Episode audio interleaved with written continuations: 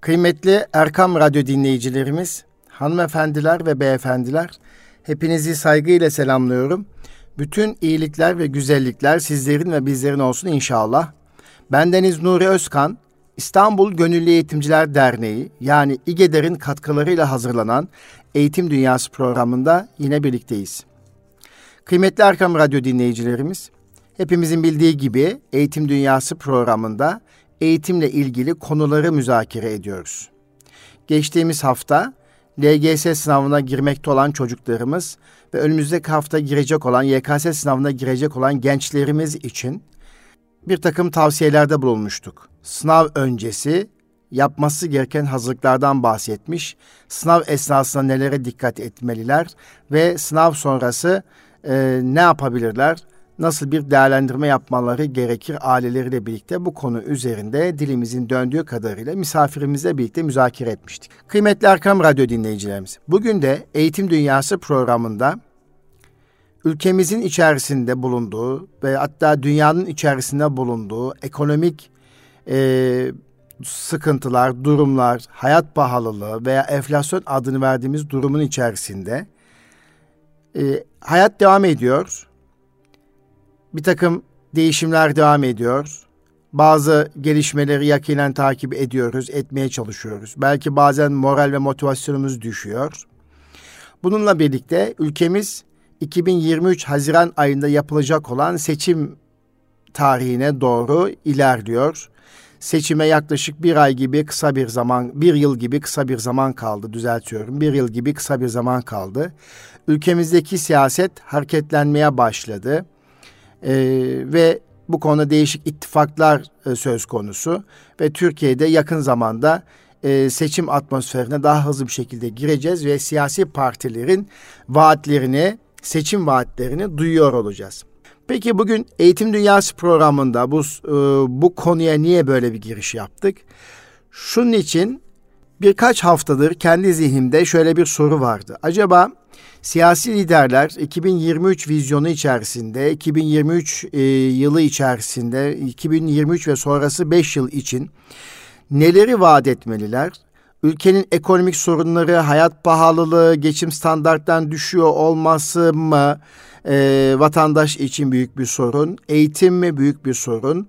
E, işte e, aile mi büyük bir sorun? Gençlik mi? E, ticaret, ihracat, Neler acaba? Terör, işte bu başlıkları saymış olduğum başlıklardan hangileri e, acaba e, siyasilere e, bir değer katar? Hangi vaatler ağırlıklı olursa siyasilerin kaderi değişir veya bu seçimi kazanma ihtimalleri daha yüksek olur diye kendi zihnimde bir takım sorular vardı. Yani e, acaba eğitim ezberi bozar mı? Yani eğitimle ilgili verilmiş yere basan vaatler ezberi bozar mı diye kendimce bir takım e, zihimde e, sorular vardı. E, acaba eğitim vaatlerini kim daha düzgün yere basar bir şekilde Türkiye'nin gerçeklerine uygun, pedagojik altyapısına uygun bir vaatte bulunursa, kimler bulunursa, hangi siyasi parti bulunursa e, fark atar mı acaba diğer e, siyasi partilere diye zihnimde bir takım sorular vardı. Bununla ilgili e, işte araştırma yaparken e, bir düşünce kuruluşunun adını da vereceğim, zikredeceğim. Haksızlık olmasın. Emek vermişler, çalışma yapmışlar. E, bir düşünce kuruluşun bu konuda e, eğitim siyaset ilişkisi e, raporu hazırlamış ve seçimin kaderi eğitimin vaatlerine mi bağlı diye bir başlıkta bir araştırma yaptıklarını gördüm. Baştan sona okuyunca da üzerine müzakere diye değer bir e, çalışma olduğunu fark edince ben de Eğitim Dünyası programında bu konuda e, kısa kısa özet olarak sizlerle paylaşmayı doğrusu uygun buldum. E, Türkiye'de de işte şu anda biliyorsunuz 17 Haziran tarihi itibariyle 2021-2022 eğitim öğretim yılı sona eriyor ve e, sene sonu iş ve işlemlerden sonra eğitime yaklaşık 8-10 haftalık bir ara söz konusu. Bu arada öğretmenler mesleki gelişim programları başlıyor. Yöneticilerin gelişim programları ilk çapında, Türkiye çapında 81 vilayette e, devam ettiğini düşünüyorum. E, yüz yüze yapmış olduğumuz ki bir buçuk iki yıldır Covid döneminden sonra kesintisiz yüz yüze eğitim yaptık ve onu tamamladık. E, bunların hepsi güzel bir şey. E, Türkiye'nin eğitim sorunu devam ediyor mu? Herkese sormuş olsanız Türkiye'de en büyük sorunlardan bir tanesi eğitim olarak muhtemelen tanımlanacaktır. İşte e, TETMEM'in yapmış olduğu araştırma da gerçekten bu anlamda ilgi çekici.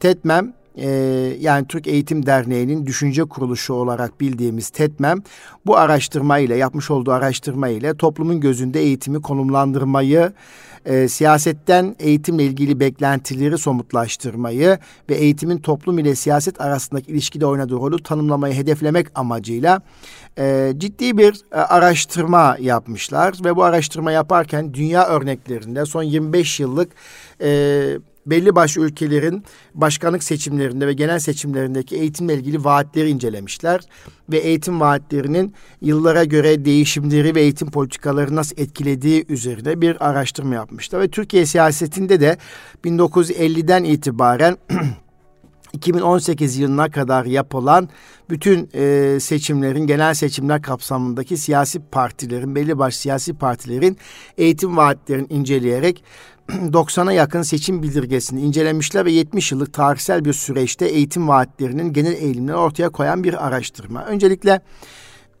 gerçekten e, tebrik ediyorum, takdir ediyorum. Ciddi bir şekilde emek vermişler. Bu anlamda e, bir Erkam Radyo moderatör olarak, Eğitim Dünyası moderatör olarak ve İGEDER'in yönetim kurulu üyesi olarak da e, bu çalışma ince, güzel, farz, zarif bir çalışma olmuş. 3000 e, kişilik bir e, araştırma kapsamında yani 3000 kişiye yapılan sorularla e, kapsam geçerlik anlamında söylüyorum bu sayıyı. Bu anlamda bir e, Türkiye'de siyasetin eğitimi nasıl etkiledi veya eğitimin siyasette nasıl etkilendiği veya siyasi vaatlerin ne kadar gerçekleştiği ile ilgili e, KONDA Araştırma ve Danışmanlık AŞ tarafından toplanan veriler analiz edilmiş ve kamuoyuyla paylaşılmış ve şu sorulara cevap bulmaya çalışmışlar bu araştırma çerçevesinde siyasetin öncelik vermesi beklenen konular arasında eğitim var mı? Ve eğitim hangi sıralamada geliyor? Gerçekten bence çok önemli bir soru. Siyasetin öncelik vermesi beklenen konular arasında eğitim hangi sıralamada gelmektedir? İki, seçmen eğitim sistemini nasıl notlandırmaktadır? Üç, seçmen eğitimin kendine ve çocuğuna nasıl bir katkısı olduğunu düşünmektedir. 4. Seçmenin eğitimden beklentileri ve eğitimle ilgili kaygıları nelerdir? 5. Seçmen eğitim sisteminde sorun alanları olarak neleri görmektedir? 6. Seçmenin siyasi partilerden eğitimle ilgili beklentileri nelerdir? 7. Seçmen oy verirken tercihi nasıl yapmaktadır? Seçimin oyu seçim vaatleriyle değişir mi? Yani seçmenin oyu seçim vaatleriyle değişir mi? Kimlerin oyu seçim vaatleriyle değişebilir? Seçmenin oy tercihini değiştirebilecek eğitim vaatleri neler olmalıdır şeklinde başlıca bu sorulara cevap verecek şekliyle e, ciddi bir inceleme yapmışlar. Hem teorik hem de veriye dayalı bulguların bir araya getirilerek sentezlendiği, dünyadaki örnekten incelendiği, Türkiye'de eğitim ve siyaset ilişkisine dair değerlendirmeden yapıldığı ve önerilerin sıralandığı güzel bir araştırma olmuş. Dolayısıyla Türk Eğitim Derneği'nin düşünce kuruluşu olan TETMEM'e bu araştırmalarından dolayı da teşekkür ediyorum. O zaman soru şu, seçimin kaderi eğitim vaatlerine bağlı mı? Gerçekten eğitimin vaatleri ezberi bozar mı, bozabilir mi? Evet, bütün bu e, sorunun cevabını bu araştırmada görebiliriz. Bizler bugün Eğitim Dünyası programında e, bu araştırmadan e, bazı kısımları paylaşarak, e, fikirlerimizi ifade ederek e, Eğitim Dünyası programında sizleri bilgilendirmeyi düşündüm. Zira ee, Türkiye'de bana göre bir eğitimci olarak ben hala en önemli meselenin e, eğitim meselesi olduğunu, insanların e, eğitilmesi meselesi olduğunu düşünüyorum. Neden düşünüyorum? E, çünkü içerisinde yaşadığımız şartlar ve durumlarda sadece hayat pahalılığı, bir enflasyon e, rakamlarıyla ilişkili olmadığını, bunun ötesinde farklı durumların söz konusu olduğunu görüyorum ve düşünüyorum. Burada devletin vermiş olduğu istatistiklerle hayatın gerçekleri arasında ciddi anlamda farklılıklar var. Bu durum ya devletin verileri dürüstçe olmadı veya vatandaşın yaklaşımının veya uygulamalar tutum ve davranışlarının devletin süreçlerini provoke edecek şekliyle olduğudur. Dolayısıyla e, bu noktada e, bir ahlak sorunu, bir etik sorunu var mı? E, ciddi şekilde araştırılmış olması gerekiyor. Bir fırsatçılık var mı? Bir stokçuluk var mı? Tekelcilik var mı? Bundan ciddi bir şekilde araştırılması gerekiyor. Yani e, her şey dolara endeksi ise doların artışına bağlı olarak hayat fiyatlar güncelleniyorsa eğer enerji fiyatlarına göre enerji artışlarına göre güncelleniyorsa bu artışlarla e, hayata yansıyan gerçek artışlar e, yaşanan artışlar arasında ne kadar bir bağ var e, korelasyon var mı ilişki var mı e, bu insan e, ahlakı etik kuralları bunun neresinde bunların hepsinin tartışıldığı bir ortamda tabii ki iş gelip dayanıyor yine eğitime dayanıyor. Yani okullarımızda insanları hakiki anlamda belli bir erdem üzerine, ahlaki değer üzerine eğitmiş olsaydık bunları bugün yaşar mıydık? Ee, neleri daha farklı yapabilirdik anlamda, ciddi anlamda kafamızda sorular var. Aslında bu sorular e, bütün dünya ülkelerinin e, seçim vaatleri içerisinde eğitim aslında her ülkenin bir sorunudur. Nitekim e, bu araştırma kapsamında eğitimle ilgili e, sorunların çözümüne ilişkin seçim bildirgeleri incelenmiş ve seçim bildirgelerinde yer alan vaatler e, yıllara göre, seçim dönemlerine göre farklılaşsa da e, aslında e, bazı dönemlerde vaatler sürekli tekrar edile durduğunu e, görmüş bulunmaktayız. Nitekim bu araştırma kapsamında dünyada eğitim siyasetindeki eğilimlere bakarak bir takım incelemeler yapmışlar. Örneğin e, Amerika Birleşik Devletleri, Birleşik Krallık ve Kanada'da eğitim siyasi partilerin seçim bildirgelerinde ve kampanyalarında hep önemli bir yer tutmuş. Türkiye'de de e, eğitim siyasi partilerin seçim bildirgelerinde ve kampanyalarında şüphesiz önemli bir yer tutuyor. Ancak sıralama bakımından bu bahsetmiş olduğum ülkelerin biraz daha gerilerinde olduğunu, birkaç basamak geride olduğunu müşahede ettiğimizi ifade etmek isterim. Ee, burada e, acaba seçim vaatlerinin e, seçim atmosferine girildiği dönemde işte seçim bildirgelerinin de yazılı olan vaatlerin kağıt üzerinde kalıp kalmadığıyla ilgili de araştırmada çok ciddi bir şekilde e, ipuçları var. Mesela e, Amerikan Birleşik Devletleri 2000 yılında başkanlık seçiminde George Bush, George Bush e, ve ve onun karşı onun şeyi partneri Al Gore her ikisi için de kampanya mesajlarında eğitim en önemli meselelerden biri olmuştur. İki aday da eğitim reformlarına odaklanarak eğitimin hesap verebilirlik eğitimde standartlar, eğitim finansmanı, öğretmen eğitimi ve istihdamı gibi başlıca eğitim sorunlarına yönelik vaatler öne sürmüştür. Yine George Bush yönetime geldikten sonra başkanlık ofisinde ilk haftasını eğitim haftası ilan etmiş ve eğitimi iç politika alanında ilk sıraya almayı başarmış olduğu ifade ediliyor. Yine Tony Blair Birleşik Krallık seçimlerinde 1997 yılındaki Birleşik Krallık seçimlerinde Tony Blair bir konuşmasında eğitime verdiği önemi şu sözlerle e, ifade ediyor. E, diyor ki bana hükümet için üç ana önceliğimi sorun size söyleyeyim diyor ve şöyle konuşmasına devam ediyor. Üç ana önceliği eğitim, eğitim, eğitim. Ve e, buna uygun olarak seçim kampanyasını da eğitim üzerinden yürütmüş bir e, Tony Blair'den bahsediyoruz. Ve üç seçim dönemi boyunca da Tony Blair için eğitim öncelikli politik alanlarından biri olmuştur. Bu üç örnekle birlikte dünya örneklerindeki eğitime yönelik e, oluşturulan seçim vaatleri incelendiğinde bakıldığında genellikle seçim vaatlerinin çözüm odaklı, ölçülebilir ve sınırları belirlenmiş ve somut olduğunu ve pedagojik altyapısının olduğunu görmekteyiz. Yani nitekim e, TEDMEM'in bu araştırma raporunda da e, bu bu şekilde ifade ediliyor. Vaatlerin somut ve ölçülebilir olarak yapılandırılması, genel geçer olmaması ve açık bir şekilde ifade edilmesi, seçim sonrasında gerçekleşip gerçekleşmediğinin takibi ve geriye dönük hesap verebilirlik mekanizmalarını işleyebilmesi açısından önem arz ediyor ve nitekim bu ülkelerde vaatler somut ve ölçülebilir olduğunu görüyoruz. Hatta bu ülkelerde seçim vaatlerini takip eden bir denetim mekanizmasının olduğunu da görüyoruz. Türkiye'de seçim vaatlerinin gerçekleşip gerçekleşmediğini ölçen bir denetim mekanizması mı var mı? Çok da emin değilim, bilmiyorum. Mesela 2018 yılında Cumhurbaşkanlığı hükümet sistemi e, seçiminde e, ortaya ver konulan eğitim vaatlerini gerçekleştirmek adına Cumhurbaşkanı hükümet sisteminin ilk Eğitim Bakanı olan Profesör Doktor Ziya Selçuk Hoca Türkiye'nin vizyon belgesini, eğitimin vizyonu, vizyon belgesini çıkarmıştı ve e, Mutlu Çocuklar Güçlü Türkiye, Güçlü Türkiye adı altında vizyon belgesini Ekim ayında Ekim Ekim Ekim, Ekim 2018 yılında kamuoyuyla paylaşmıştı. ve burada ölçülebilir hedefler koymuştu. Her başlıkta ciddi anlamda bir çalışma yaptığını hepimiz gördük. Ancak işte burada e, bakanın e, değişmesi 3 yıl sonra işte ki şanssızlığı Covid dönemine denk geldi. E, 2020 Mart'ından itibaren yoğun, yoğun bir COVID, dönemi ve okuldan kapalı olması nedeniyle bazı uygulamaların aksadığını, bazı vaatlerin gerçekleştirilemediğini söyleyebilir miyiz? Söyleyebiliriz. Ancak mesela 3 yıl tamamlamış o e, vizyon belgesindeki bütün hedeflenen davranışların e, yeniden işte bir denetim mekanizması tarafından incelenmesi, değerlendirilmesi ve kamuoyuyla paylaşılması gerekiyor.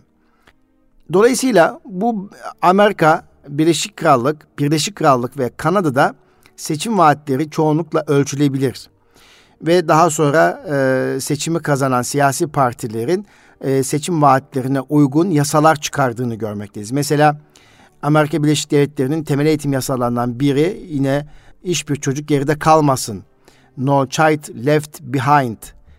Mesela Birleşik Krallık'ta başlatılan çıraklık reform eğitimi, Kanada'da daha kapsayıcı bir erken çocukluk eğitimle ilgili yasaların çıkartılması ve uygulamaya geçmesi bunun bir göstergesi.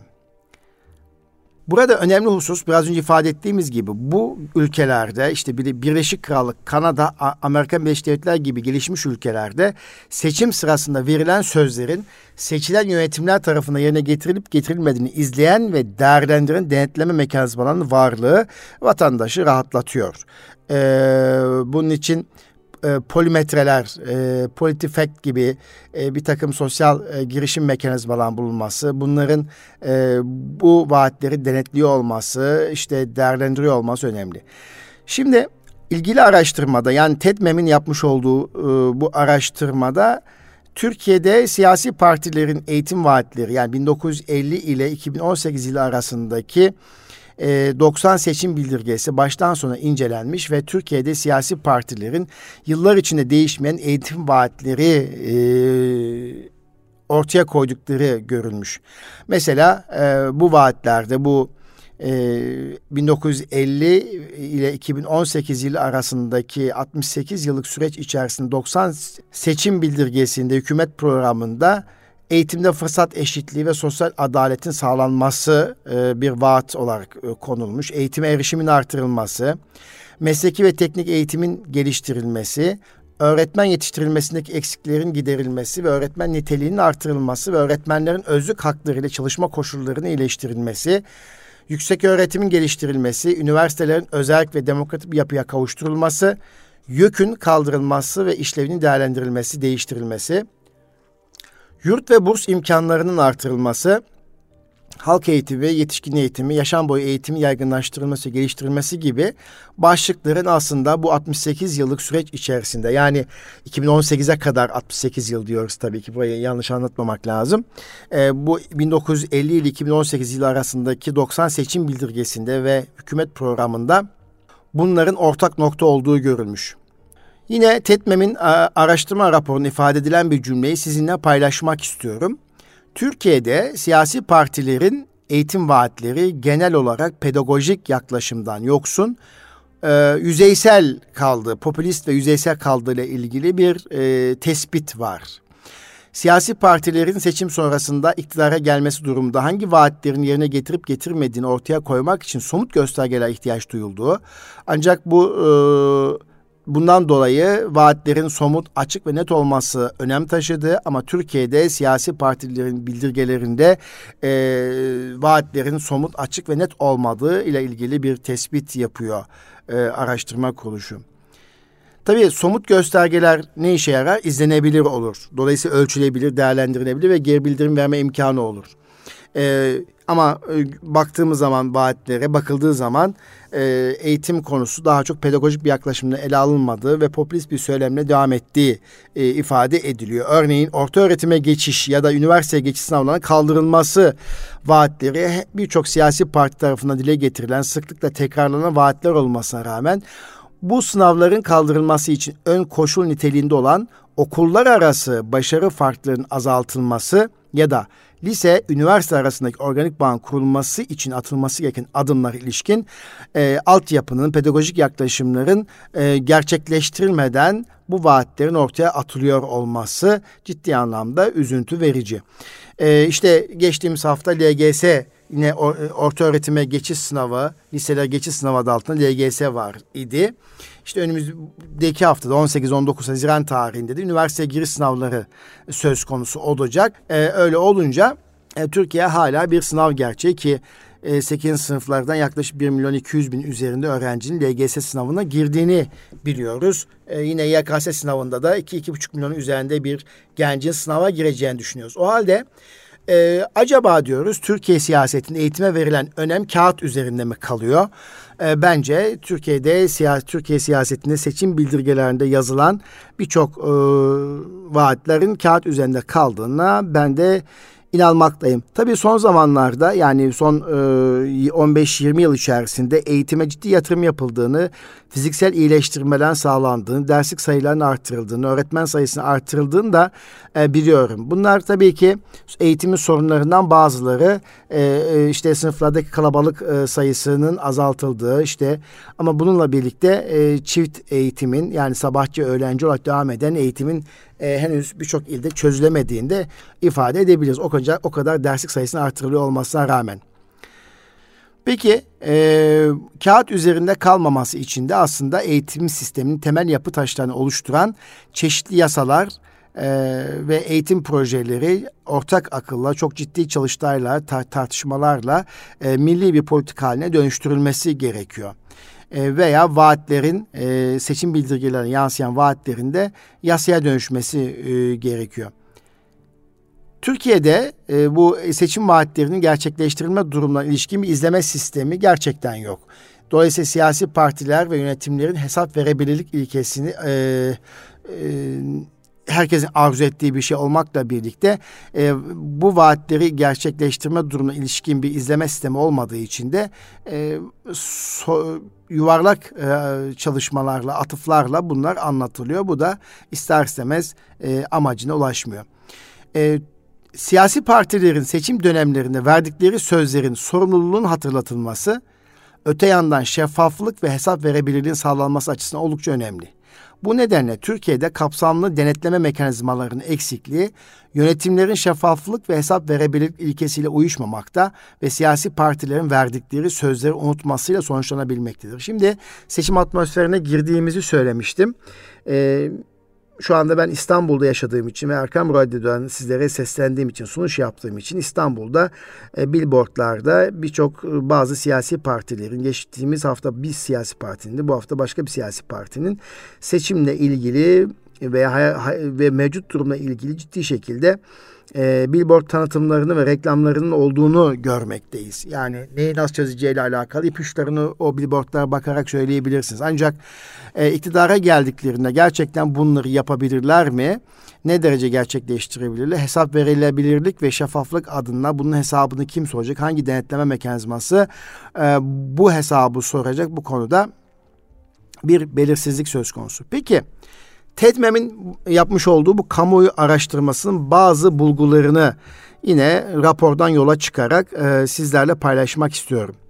Kıymetli Erkam Radyo dinleyicilerimiz, yapılan araştırmada aslında e, Türk insanı, Türkiye geneli ve gençlik yani 18-24 yaş arası gençler ve Türkiye'nin geneli eğitimi e, önemsiyor ve siyasetin öncelik vermesi beklenen konular arasında ekonomiden sonra hemen ikinci sırada yer aldığını söyleyebiliriz. Yani aslında Türkiye'de de e, insanlar e, eğitimin bir sorun olduğunu ve ekonomiden sonra içinde yaşadığım bu şartlardan dolayı ekonomiden sonra ilk sırada e, gelmesi gereken bir başlık olarak görüyor. Türkiye genelini yüzde 65 ekonomiye, yüzde 37'si ise eğitim sistemine öncelik, öncelik verilmesi gerektiğini düşünüyor.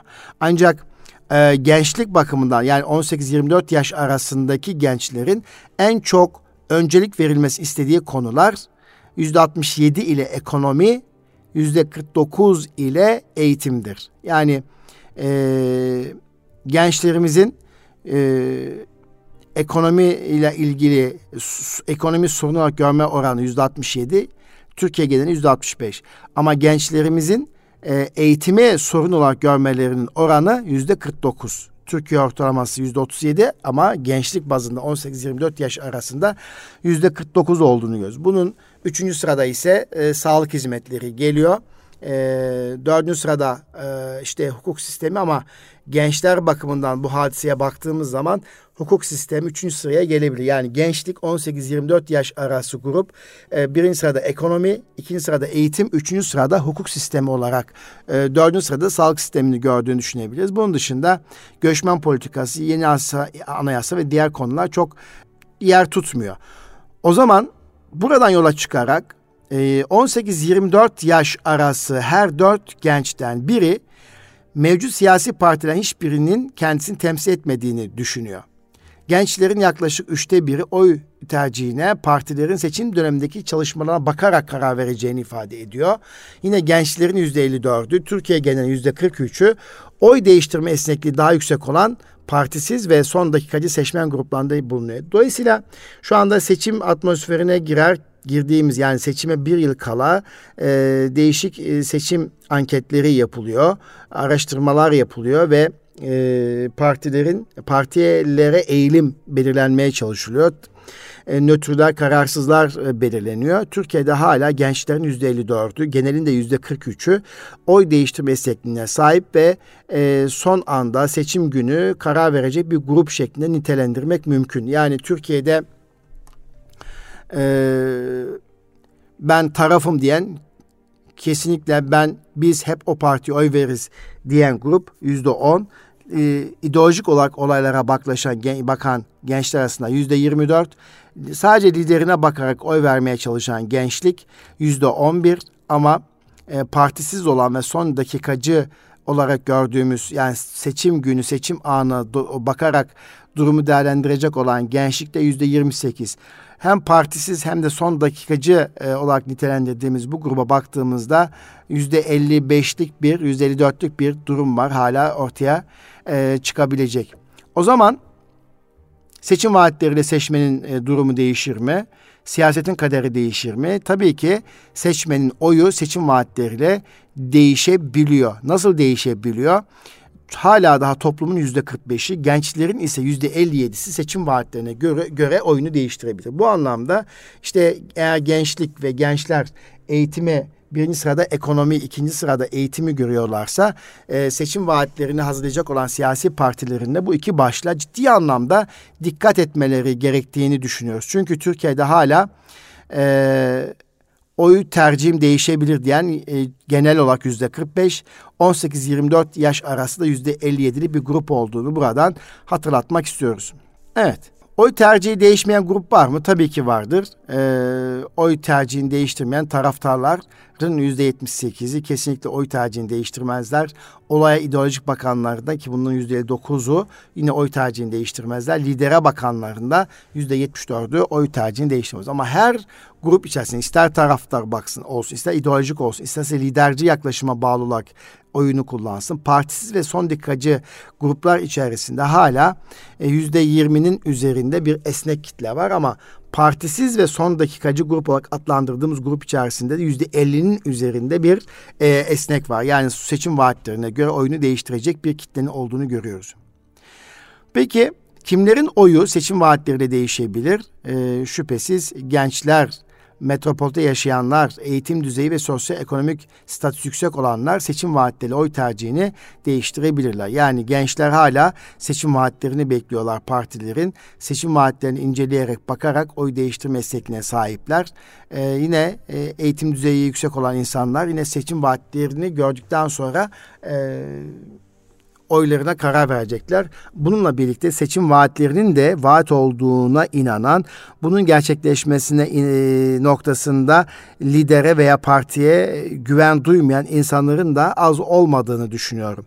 Öyle olunca e, seçim vaatlerini yapan siyasi partilerin de bu konuda da çok dikkatli olması gerekiyor.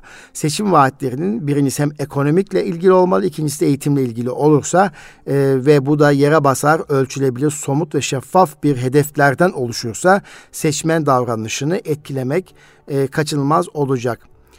Seçim vaatleriyle oy tercihini değiştirme en yakın grup şüphesiz 18-24 e, yaş grubudur. Her 10 öğrenciden yaklaşık 7'si oy tercihinin seçim vaatleri değişebileceğini ifade ediyor. Ee, beyaz yaka çalışanların yüzde 48'i seçim vaatleriyle oylarını değiştirebiliyor. İşçi, esnaf ve çiftçilerin yüzde 42 seçim vaatleriyle oylarını değiştirebiliyor. Emeklilerin yüzde 35'i, ev kadınlarının da yüzde 41'i seçim vaatleriyle oylarını değiştirebiliyor. Ancak işsizlerin yüzde 50'si seçim vaatlerine göre oy tercihini değişebileceğini ifade ediyor. Bakın hala daha İster meslek gruplarına göre bakalım, ister eğitim düzeylerine göre bakalım, istersek e, genç ve yetişkin e, gruplara göre bir değerlendirme yaparsak yapalım. Hala Türkiye'de yüzde elliye yakın bir esnek grup olduğunu ifade edebiliriz kıymetli Erkam Radyo dinleyicilerimiz. Peki e, yine bu TEDMEM'in yapmış olduğu araştırmada şöyle bir can alıcı soru var. Toplum, Türk milleti e, yani bizler, sen ben hepimiz Türkiye siyasetiyle muhatap olan bizler eğitimi düzelteceğine inandığı siyasetçi için oyunu değiştirebilir mi? Evet. Madem ki eğitim ikinci e, sırada yer alan çözülmesi beklenen bir sorun olarak herkes tarafından ifade ediliyor. O zaman eğitimi düzelteceğine inandığı siyasetçi için e, seçmen oyunu değiştirebilir. Toplumun yüzde 56'sı, gençlerin ise yüzde 67'si eğitimi düzelteceğine inandığı siyasetçi için oyunu değiştireceği ortaya çıkmış. E, hal böyle olunca e, bu konuda e, evet e, siyasilerin eğitimi düzelteceğiyle alakalı bir inanış ortaya koyması gerekiyor. Peki mevcut eğitim sisteminin notu ne? Yani şu anda uygulanmakta olan eğitim sisteminin notu ne? İnsanlar nasıl bir not veriyorlar sizce? Önemli bir soru değil mi? Evet ben de çok merak ediyorum nasıl bir not çıkıyor bize. Evet sıkı durun ee, Erkam Radyo dinleyicilerimiz. Toplumun yalnızca yüzde on yedisi eğitim sisteminin iyi, çok iyi olduğunu düşünmektedir. Yüzde on yedi. 18-24 yaş aralığındaki gençlerin ise yalnızca yüzde yedisi eğitim sisteminin iyi veya çok iyi olduğunu düşünmektedir. Sizce yüksek mi? Değil tabii ki. Kötü bir durum değil mi? Peki ancak toplumun yarısından fazlası eğitim sisteminin kötü, çok kötü olduğunu vurguluyor, düşünüyor. Ve her 10 gençten en az 7'si eğitim sisteminin kötü ve çok kötü olduğunu düşünüyor. Nitekim salgın sürecinde de eğitim değerlendirildiğinde de e, salgın sürecindeki e, durum da yine ankette araştırma konusu yapılmış ve değerlendirilmiş. Toplumun yüzde on sekizi, gençlerin ise yalnızca yüzde onu COVID-19 salgını ve kapanma sürecinde eğitimle ilgili alınan önlemlerin çok iyi olduğunu düşünüyor. Yüzde yetmiş biri ise e, kötü, çok kötü olduğunu düşünüyor. Evet, işte gelelim buradan e, eğitimin e, gidişatı ne olacak? O zaman e, son yıllarda eğitim sisteminin iyi, çok iyi yönde değiştiğini düşünenlerin oranında aynı zamanda yüz, yalnızca yüzde on yedi. Gençlerin yüzde yedisi eğitim sisteminin iyi veya çok iyi yönde değiştiğini düşünüyor. Yine her on kişiden altısı, her dört gençten üçü eğitim sisteminin son yıllarda kötü, çok kötü yönde değiştiğini düşünüyor. Dolayısıyla bunların hepsi e, yeniden bir masaya yatırılıp üzerinde müzakere edilmesi, çalışılması gerekiyor kıymetli Erkam Radyo dinley dinleyicilerimiz. Peki Türkiye eğitiminin, Türkiye'deki eğitimin ve eğitim sisteminin kişilere ve çocuklara nasıl bir katkısı var acaba? Seçmen eğitimin kendisine ve çocuğuna e, katkı sunduğunu düşünüyor mu? Güzel bir soru değil mi? Ben de çok merak ettim bu sorunun cevabı ne çıkacak. Evet sıkı duralım yine ee, Erkam Radyo dinleyicilerimiz, hanımefendiler, beyefendiler. Toplumun yüzde otuz dördü aldığı eğitimin kendisine bir şey katmadığını düşünüyor. Buna karşılık toplum genelinde eğitimin kendi çocuğuna bir şey katmayacağını düşünenlerin oranı daha da düşük yüzde on altı. Ancak 18-24 yaş aralığında her gençten biri eğitimin kendisine bir şey katmadığını düşünüyor. Yani yüzde 25. Peki e, bilgi beceri bakımından e, eğitimin bir şey kattığına yönelik e, görüşler bir şey katıyor mu? Türkiye'de yüzde 34, gençlerin yüzde 16'sı eğitimin bir şey kattığına inanıyor. Eğitim bilgi ve beceri bakımından bir şey katıyor mu? Türkiye geneli yüzde 32, gençler bakımından 18-24 yaş arası yüzde 26. Ahlaki değer katıyor mu eğitim? E, yetişkin grup Türkiye geneli yüzde 19, 18-24 yaş grubu yüzde 17. Yani ahlaki değer de katmıyor. Çevre bilinci veriyor mu, katıyor mu? E, 18-24 yaş grubu grup yüzde 7 oranda çevre bilinci kattığını düşünüyor. İyi bir iş imkanı sağlıyor mu eğitim? E, Türkiye geneli yüzde on dört iyi bir eğitim imkanı sunmadı, iyi bir iş imkanı sunmadı ilgili bir e, şey var ki onlar yaşıyorlar bu durumu. Ancak 18-24 yaş arası gençler muhtemelen iyi bir iş sahibi olmak için okuduklarını düşündükleri için de yüzde 34 oranında e, Türkiye'de eğitim e, bize iyi bir iş imkanı sağlıyor diyen 18-24 yaş arası gençlik yüzde 34. Para için yüzde 15 gençlerden e, mevcut durumda yüzde 9 e, statü anlamında gençler bunu statü olarak değerlendiriyorlar. Yüzde on dört. E, bilgi ve beceri katmadığını düşünenler yüzde kırk altı. Bir şey kattığını düşünmüyorum diyenler yani gerçekten Türk eğitim sistemi e, bizlere neler katıyor ve çocuğumuza neler katıyor anlamında baktığımız zaman da e, iyi durumda olmadığımızı söyleyebiliriz kıymetli Erkam Radyo dinleyicilerimiz. Seçmen eğitimle ilgili ne düşünüyor? Özellikle devletin sorumluluğu bakımından devlet her çocuğun kaliteli eğitim almasını başka hiçbir kuruma bırakmadan kendi sağlamak zorundadır diyen e, seçmen her 10 kişiden 9'u her çocuğun nitelikli eğitim almasının başka hiçbir kuruma bırakmaksın devletin sorumlu olduğunu düşünüyorlar. Yani devletin eğitimi çözmesi gerektiğini.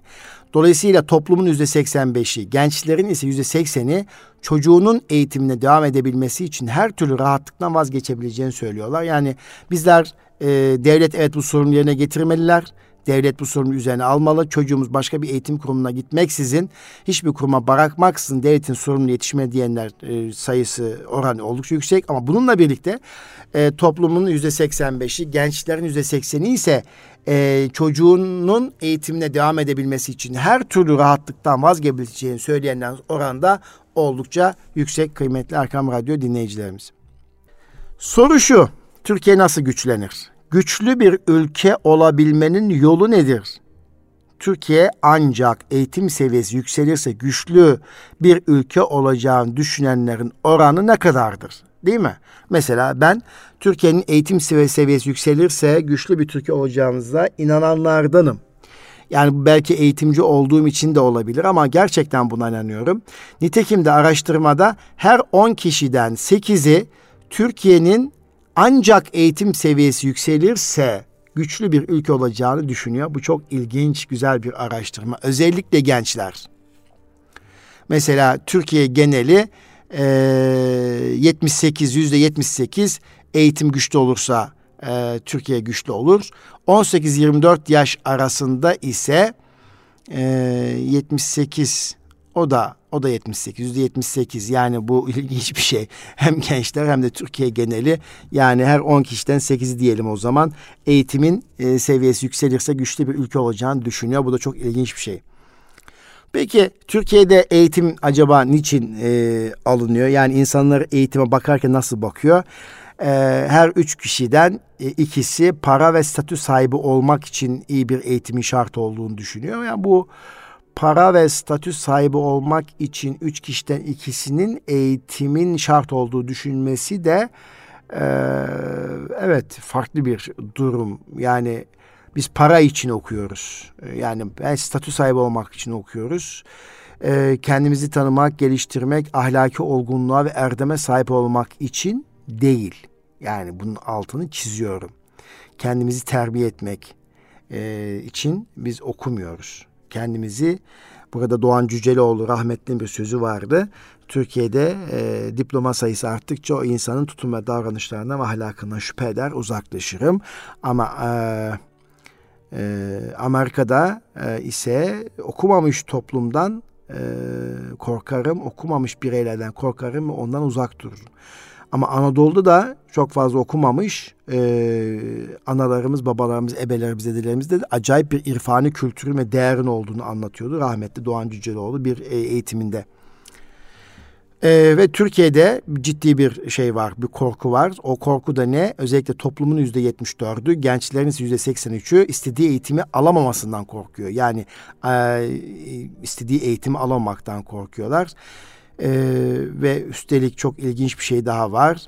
Yurt dışına gidiş. Son zamanlarda çok duyduğum bir şey. Özellikle e, benim de bugünlerde çok ilgilendiğim bir husus.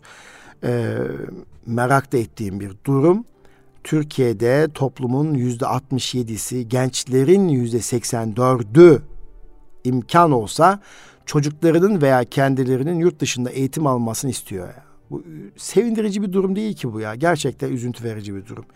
Yani yerüstü hazinelerini değerlendiremeyenler yeraltı madenlerini işletemezler. Düşünün 18 milyon üzerinde bir sermaye, güçlü bir sermaye sahipsiniz ama bu sermayenizin yüzde 84'ü imkanı olsa çocuk e, kendilerinin yurt dışında eğitim alması istiyorlar. Yani şey çok üzücü bir şey. Ama bir o kadar da mesela çok garip ilişkiler, çelişkiler var ankette ve hani farklı analizler üzerinde defaatlerce durulması gerekiyor, yorumlanması gerekiyor.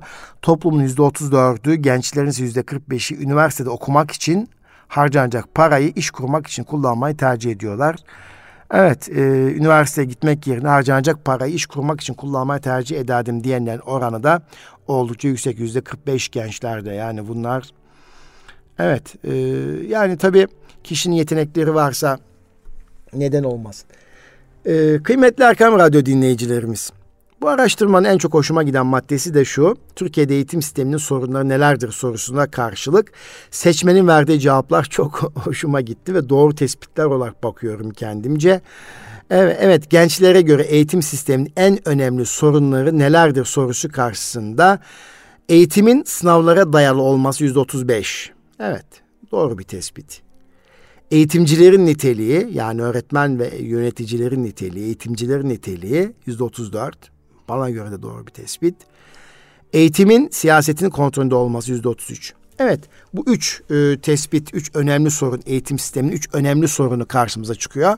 E, yani bunun, bu üçün içerisinde hangisi bence daha sorun derseniz eğitimciler niteliği bana göre birinci sırada, ikinci sırada eğitimin sınavlara dayalı olması.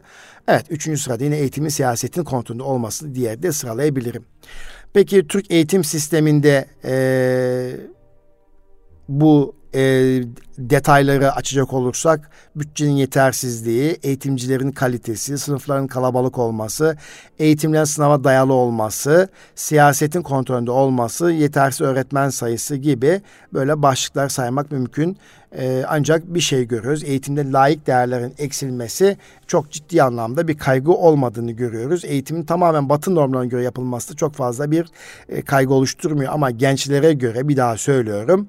Eğitimin sınavlara dayalı olması, e, eğitimcilerin kalitesi ve eğitimin siyaseti kontrolünde olması gençlere göre eğitimin e, Türk eğitim sisteminin sorunu olarak karşımıza çıkıyor. Peki eğitim sisteminde en sorunlu kademe e, neresidir? E, anaokulu mu, okul öncesi mi, ilkokul mu, ortaokul mu, lise mi, üniversite mi? E, bu yapılan araştırmada da Türkiye'de eğitim sisteminin sorunlarında en fazla karşılaşılan lise düzeyinde olduğunu görüyoruz. Lise ve devlet üniversitesinde e, ki kademelerde ciddi sorun olduğunu görüyoruz. Eğitim sistemi bakımından sorun olduğunu görüyoruz. Özellikle gençlerin yüzde 41'i e, üniversite, devlet üniversitelerinde yine e, gençlerin yüzde 52'si de liselerde bir takım sorunların olduğunu Türk eğitim sisteminin sorunu olarak e, değerlendirdiğini görüyoruz. Bütün bunlardan yola çıkarak özetleyerek ben inşallah programı sonlandırmak istiyorum. O zaman seçmen siyasi partilerden eğitimle ilgili neleri bekliyor? Ne bekliyor? Nasıl bir vaat olmasını bekliyor? Toplumun ve gençlerin en az yüzde doksanının Yani çok önemli bulduğu vaatler şunlar. Bir, kaliteli eğitim herkes için parasız olmalıdır. Böyle bir vaat olacak. Bu vaadi toplumun yüzde 94'ünde karşılık buluyor. İki, kızların eğitimine katılımını artırmak için teşvikler gerçekleştirilecek. Bu da toplumun yüzde 93 civarında bir karşılık buluyor. Anne babasının gelir ve, ve mesleğinden bağımsız her çocuk nitelikli eğitim alacak. Yine bu da toplumun %92'si ve üzerinde bir karşılık buluyor. Mesleki eğitim güçlendirilecek vaadi karşısında %93 bir karşılık buluyor. Öğrenciler iş dünyasına hazırlanacak şekilde yetiştirilecek toplumun %93'ü karşı %93'ü tarafından karşılık buluyor. Eleştirel düşünme, sorgulama ve problem çözme becerilerine sahip gençler yetiştirilecek vadi karşısında karşılık bulma oranı %95. Her öğrencinin teknoloji eğitimi alması sağlanacak vadi karşısında da bunun karşılığı %91-92 civarında olduğunu görüyoruz. Ee, Türkiye'de eğitim sisteminin değişmeyen ihtiyacı fırsat eşitliği olmaya hala devam ediyor. Çünkü toplumun %94'ü, gençlerin %95'i nitelikli eğitimin herkes için parası olmasını çok önemsiyorlar ve bunu bekliyorlar.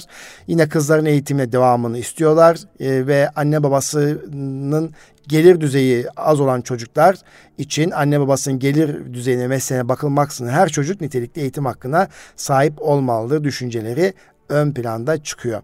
Evet ve eğitimin çağın gerektirdiği beceriler kazandırması anlamında verilecek bir vaatte yine toplum tarafının ciddi anlamda karşılık buluyor. İşte bu çerçevede ortaya konulacak e, bir vaat e, acaba siyasetin ezberlenmiş denklemlerini bozabilir mi? Evet toplumundan toplumumuzun yarısından fazlası eğitimin e, düzelteceğine, eğitimi düzelteceğine inandığı siyasetçi için oyunu değiştirebilir.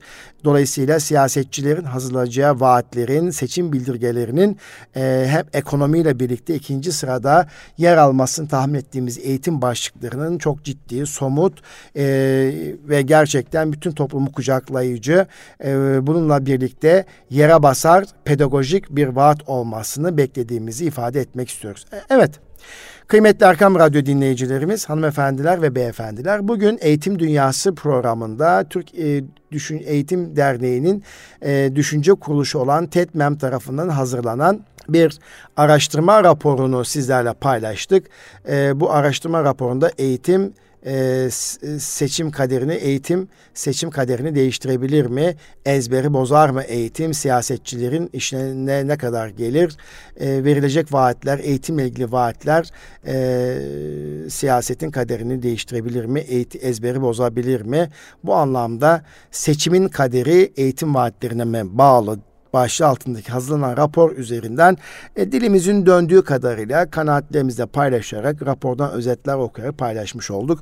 Öncelikle TETMEM e, araştırma kuruluşuna teşekkür ederken bugün bizleri dinleyen siz değerli Erkam Radyo dinleyicilerimize teşekkür eder.